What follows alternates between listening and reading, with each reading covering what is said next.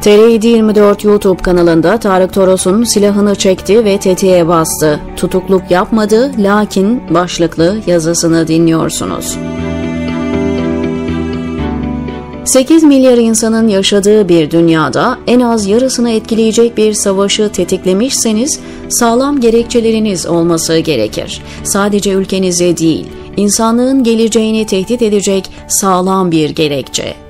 Rusya'nın haklılığını savunanlar enteresan örnekler veriyorlar. Biri şu mesela, biri size silahını çekmişse siz de çeker, ateşlersiniz. NATO yayılmacı stratejisiyle Moskova'yı köşeye sıkıştırdı. Kremlin'in yaptığı nefsi müdafaa. İlginç bir önerme olduğu kadar kendi içinde bir mantığı var gibi inandırıcı gibi. Bu söylemle eğitim ortalaması orta ikiden terk olan bir kitleyi kolay ikna edersiniz. Bu tezi biraz daha köpürtebilirsiniz. Avlanmadan avlayacaksın.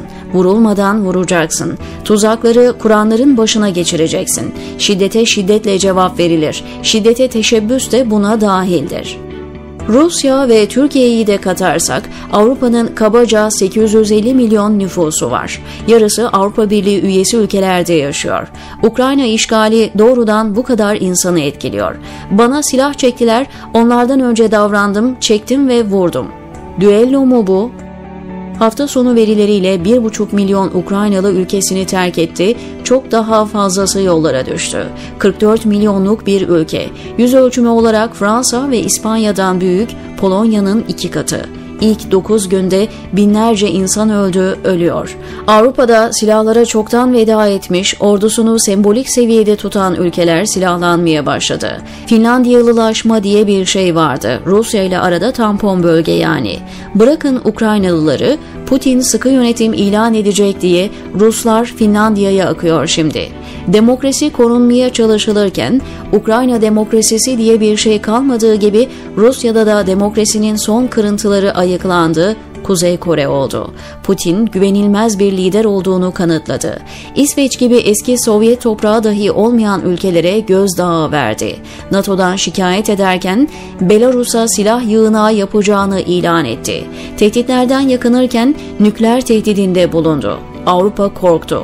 İrili ufaklı ülkeler AB ve NATO'ya başvuru sırasına girdi. Putin savaştan önce Avrupa güvenlik mimarisini Fransa, Almanya ve diğerleriyle birlikte Amerika olmadan inşa etmek istiyordu. En azından söylemi buydu. Olmayınca çıldırdı. Bu gidişle canımı okuyacaklar diye düşünüp şehirleri bombalamaya başladı. Şimdi tarihin görmediği ekonomik yaptırımlarla 145 milyon vatandaşıyla birlikte sınanıyor. Batı'nın enerji bağımlılığını yanlış okudu. Doğal gaz ve petrol satamazsa ekonomisi çöküyor ve iş oraya gidiyor. Uzun yıllardır preslenen İran, Venezuela gibi ülkelere gün doğdu. Parantez, dış güçlerin ekonominize saldırması nasıl bir şeymiş anlaşılmıştır herhalde. Türkiye'de bir daha bu masalı anlatırlarsa şu son Rusya yaptırımlarını nazara verin. Belki susarlar. Savaşın uzaması kimin yararına bilmiyoruz. Şunu biliyoruz.